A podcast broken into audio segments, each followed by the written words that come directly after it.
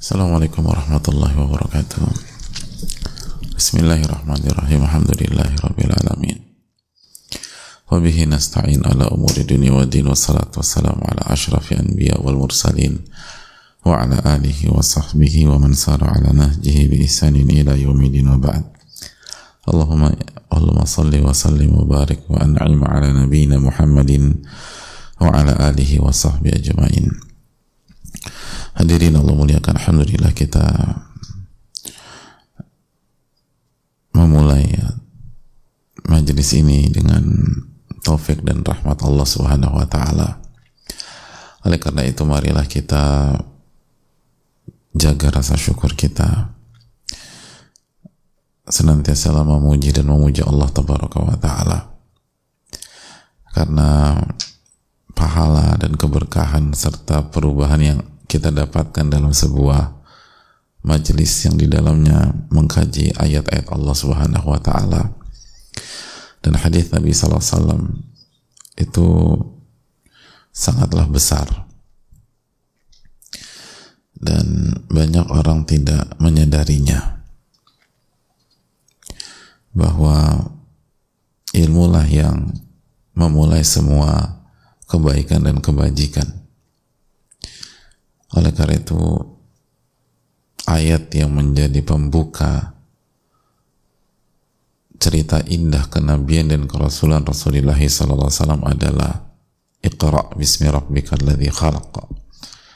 Bacalah dengan menyebut dan meminta pertolongan kepada Rabbmu yang telah menciptakanmu dan membaca kita tahu adalah kunci ilmu. Membaca adalah bagian dari belajar.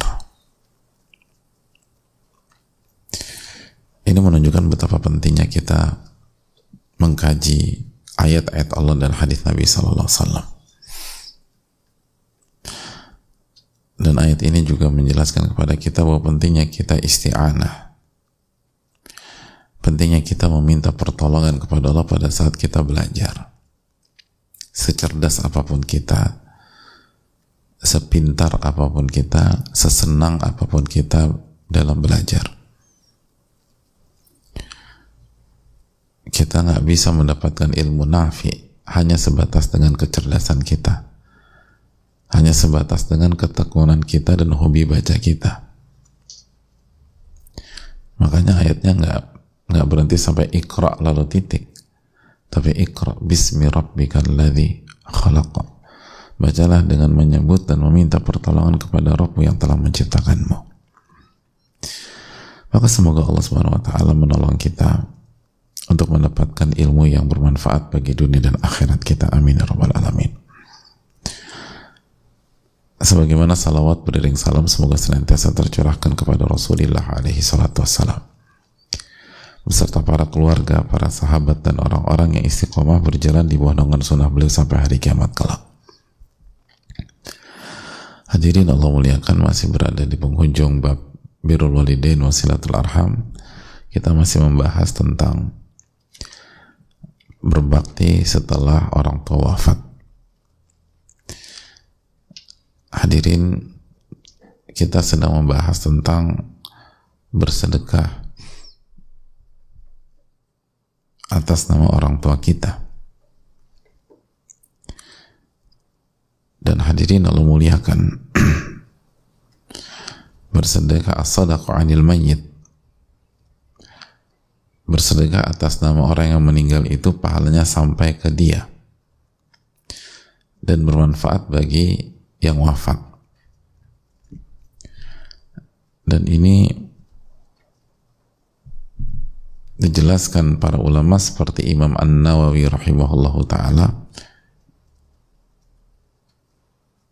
telah terjadi kesepakatan ulama.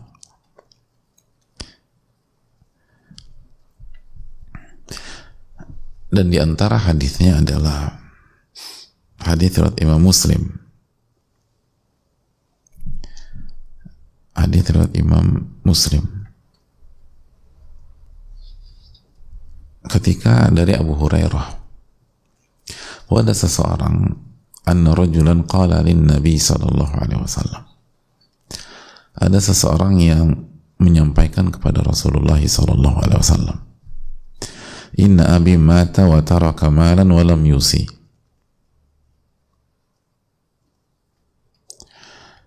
Sesungguhnya ayahku telah wafat. Dan beliau meninggalkan harta tapi beliau tidak mewasiatkan sesuatu. Jadi ayahku ini wafat meninggalkan harta punya harta nih ayahnya hadirin. Tapi ayahnya tidak mewasiatkan sesuatu. Maka lihat pertanyaan penanya ke Rasulullah SAW ini. Fahal yukaffiru anhu an an Kata beliau, apakah sedekahku atas namanya, nama beliau, dapat menggugurkan dosa-dosanya, dosa-dosa beliau. Jadi kalau aku bersedekah atas nama ayahku, apakah dosa-dosa ayahku akan dihapus oleh Allah Subhanahu wa taala. Dan apa jawab Nabi SAW? Naam. Ya.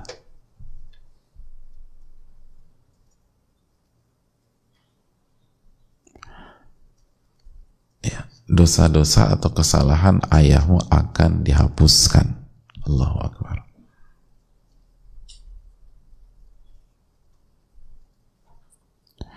Jadi dosa-dosa ayahmu akan dihapuskan melalui sedekahmu itu.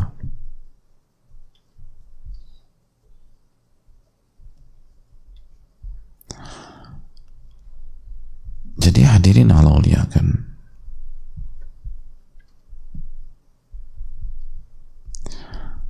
Sebuah harapan besar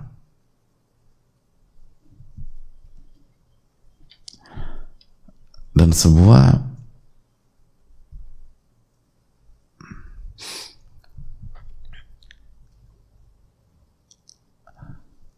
berita gembira bagi kita semua. Khususnya ketika sekali lagi kita punya orang tua yang kita tahu persis karena mungkin ketidaktahuannya karena mungkin belum sampai apa uh, kekurangannya. Karena kan kita tahu ada orang nggak tahu karena memang kurang semangat belajar. Bukan benar-benar nggak dapat akses ilmu atau apa uh, emang ilmu itu nggak sampai ke dia tapi ya mungkin karena khilaf karena apa karena lalai.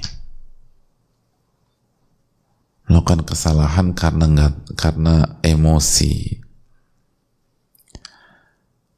Dan itu kita pendam terus aduh sebenarnya ayah nggak boleh kayak begini nih gitu misalnya. Atau apa yang dilakukan ibuku tuh salah tapi gimana? Aku udah coba makasih masukan eh aku yang diomelin. Aku udah berusaha ngingetin aku dicemberutin dan berubah juga enggak. Dan itu terus gitu loh. Ibu tuh sebenarnya baik banget tapi beliau tuh nggak bisa ninggalin hal ini misalnya gitu. Dan itu nggak boleh itu haram.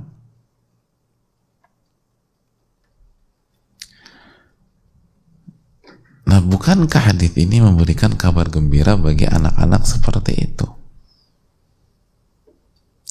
Falyukaffiru anhu an atasaddaqa. Apakah sedekahku atas namanya, nama beliau ini bisa menggugurkan dosa-dosanya? Bisa menggugurkan dosa-dosanya.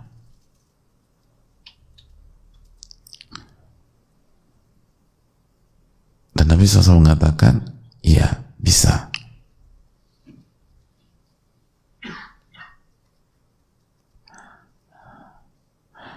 Hadirin Allah muliakan.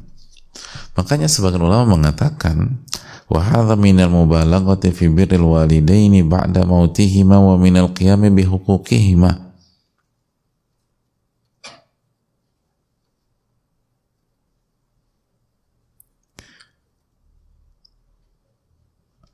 Hadirin Allah muliakan.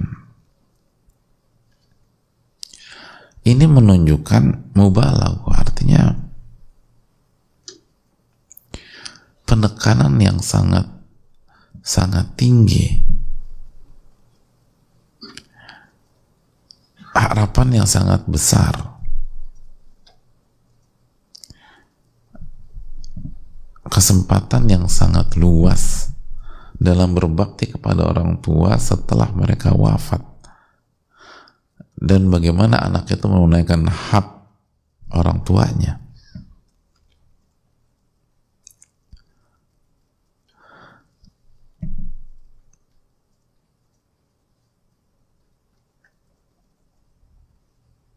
Jadi hadirin Allah muliakan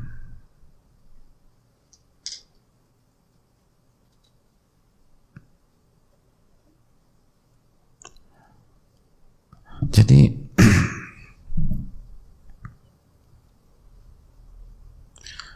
ini penting. Dan dijelaskan para ulama apa maksud orang ini mengatakan ayahku belum berwasiat atau tidak berwasiat apa pun kata para ulama ayahku itu tidak berwasiat yang berkaitan dengan wajibin mali. Karena alaihi. Kakafarah au nadar ayahku tidak berwasiat apa-apa.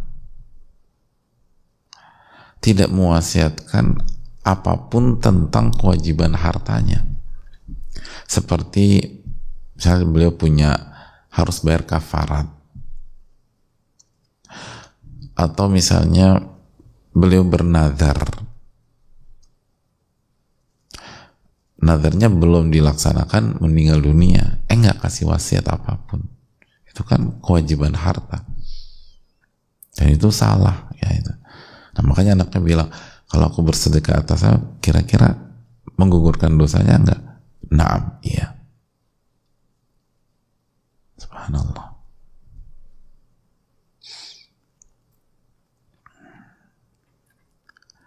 Itu hal penting. Jadi hadirin Allah muliakan.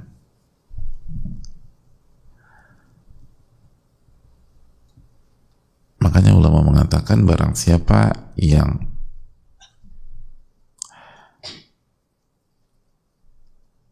membayarkan atau menutupi kewajiban harta seseorang baik setelah orang itu mening eh, baik saat orang itu hidup atau setelah orang itu wafat maka ajza'a anhu terpenuhi. Terpenuhi. Nah nanti insya Allah di sini kita akan bahas tentang membayarkan hutang orang tua insya Allah nanti kita bahas, kasih kita jelaskan keterangan secara khusus. Tapi intinya sekali lagi dalam hadis ini buat sedekah atas nama orang tua itu menggugurkan dosa-dosa orang tua. Kesalahan-kesalahan orang tua. Dan ini sangat berguna bagi kita. Dan hendaknya kita manfaatkan. Ada banyak anak dia sebenarnya bisa melakukan banyak hal buat orang tuanya tapi nggak dilakukan. Kenapa? Karena nggak ngerti karena nggak paham. Makanya perlu kita tekankan ini. Kita makanya kita berusaha untuk menjelaskan eh, ini pintu masih kebuka loh gitu. Pintu masih kebuka. Wafatnya orang tua kita bukan akhir dari segalanya. Bukan berarti pintu itu tertutup. Makanya kan kita tahu hadis yang sangat terkenal dan sudah kita angkat idza mata bunu adam in qata amalu atau idza mata al-insan in qata amalu illa min thalatha. Illa min thalatha. Jika anak Adam atau manusia itu wafat maka terputuslah amalnya kecuali dari tiga hal. Sedekatun jariyah. Yang pertama sedekah yang mengalir. Sedekah yang berjalan. Itu bermanfaat bagi mayit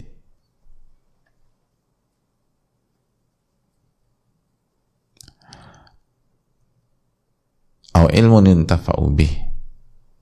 Atau ilmu yang bermanfaat. Awaladun salih yada'ulah atau anak yang salat saya mendoakan dia. Mendoakan dia. Makanya sebagian ulama mengatakan penyebutan doa dalam hadis ini itu bukan pengkhususan tetapi berlaku umum kebaikan yang dilakukan anak itu sampai ke orang tua. Dan insya Allah kita akan tekankan di akhir nanti poin pembahasan tentang uh, bab ini. Bismillah jadi itu tuh hadirin. Jadi kembali lagi ke pembahasan kita hari ini sedekah yang diberikan itu akan menggugurkan dosa orang tua. Itu tuh apa yang harus kita bawa pulang nih sebagai oleh-oleh jadi maksimalkan khususnya kita tahu apa selama bertahun-tahun tuh orang tua melakukan kesalahan di depan mata kita. Baik selama ini kita sadari maupun kita nggak sadari. Itu tadi ada orang, ada anak-anak puluhan tahun berusaha merubah kebiasaan orang tua yang salah itu nggak bisa-bisa. Sampai orang tuanya wafat dan sedih gitu ya Allah sampai orang tua saya wafat saya nggak bisa merubah kebiasaan beliau ini. Padahal beliau beriman kepada Allah beliau juga ngerjain ibadah. Tapi yang ini nih nggak bisa ditinggalin gitu. Eh tenang aja mbak. Tenang mas. Tenang mbak. Sedekah atas nama beliau. Menggugurkan kesalahan beliau. Udah jangan pesimis lagi. Optimislah Jangan putus asa. Punya harapanlah. Ini kebaikan yang sangat besar yang Allah berikan. Maka itu tadi, bab ini tuh menunjukkan kasih sayang Allah kepada kita. Dan betapa banyak pintu-pintu kebaikan. Gitu. Pintu-pintu kebaikan dan juga terakhir ini juga pelajaran juga bagi orang tua kembali didiklah anak kita. Dan juga salah satu sisi yang harus kita tekankan saat kita mendidik anak didiklah mental bersedekah dalam diri anak. Asahlah insting bersedekah dalam diri anak. Tanamkan jiwa memberi dalam diri anak. Tanamkan jiwa memberi. Itu hal yang luar biasa. Karena sering kali itu ada banyak anak orang tuanya wafat tidak bersedekah atas orang tua. Karena apa? bukan karena nggak punya uang nggak tergerak aja. Karena jiwa itu nggak terbangun dari awal dan siapa yang apa pihak yang pertama kali tidak membangunkan jiwa itu dan tidak mengasah skill itu ya lagi-lagi orang tuanya.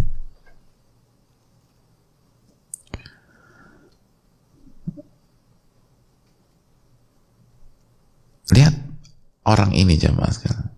Orang ini kan inisiatif nanya kepada Nabi SAW kalau aku bersedekah menggugurkan dosa orang tua aku enggak.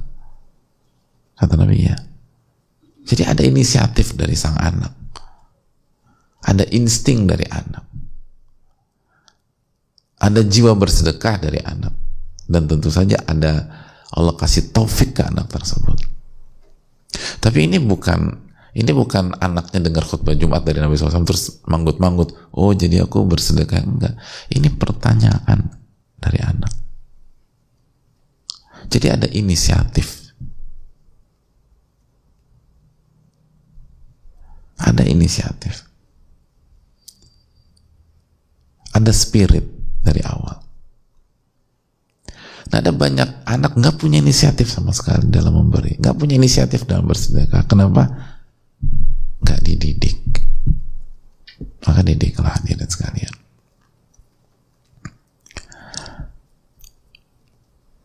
Ini yang bisa disampaikan, semoga bermanfaat. Semoga Allah memberikan taufik kepada kita. Dan kembali fokuslah dalam beramal, khususnya di hari-hari ini, khususnya menjelang 10 hari pertama di bulan Dhul Hijjah. Antara kita dengan hari-hari itu tidak lama lagi. Semoga Allah panjangkan usia kita dalam kebaikan dan ketaatan dan untuk jangka pendek semoga kita bisa merasakan kesempatan beramal di 10 hari pertama Dhul Hijjah di tahun 1444 Hijriah ini ini bisa disampaikan assalamualaikum warahmatullahi wabarakatuh Jadilah bagian dari perjuangan terbaik di Zulhijjah. Insya Allah, kita akan memasuki momen 10 hari terbaik di bulan Zulhijjah. Saatnya mengisi momen emas ini dengan sebaik-baiknya amal soleh. Muhajir Project Peduli mengajak seluruh muslimin beramal dan berjuang bersama dalam rangkaian aktivitas amal soleh dengan semangat terbaik di Zulhijjah. Ada apa saja di terbaik di Zulhijjah?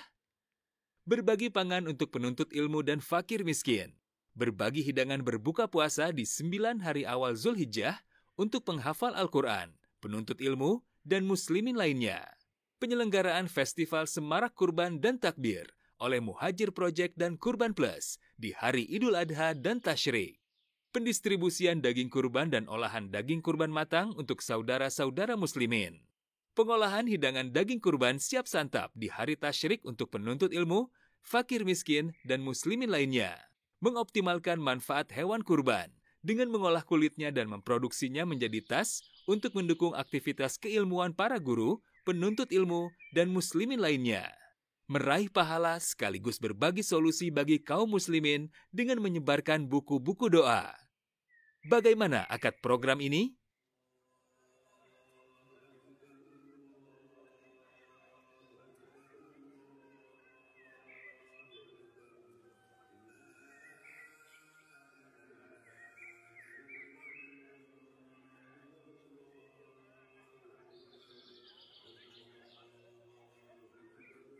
Jadilah bagian dari perjuangan amal di terbaik di Zulhijjah. Sampaikan sedekah terbaik kita melalui CIMB Niaga Syariah 8600 1383 1800 atas nama Muhajir Peduli Indonesia. Muhajir Project Peduli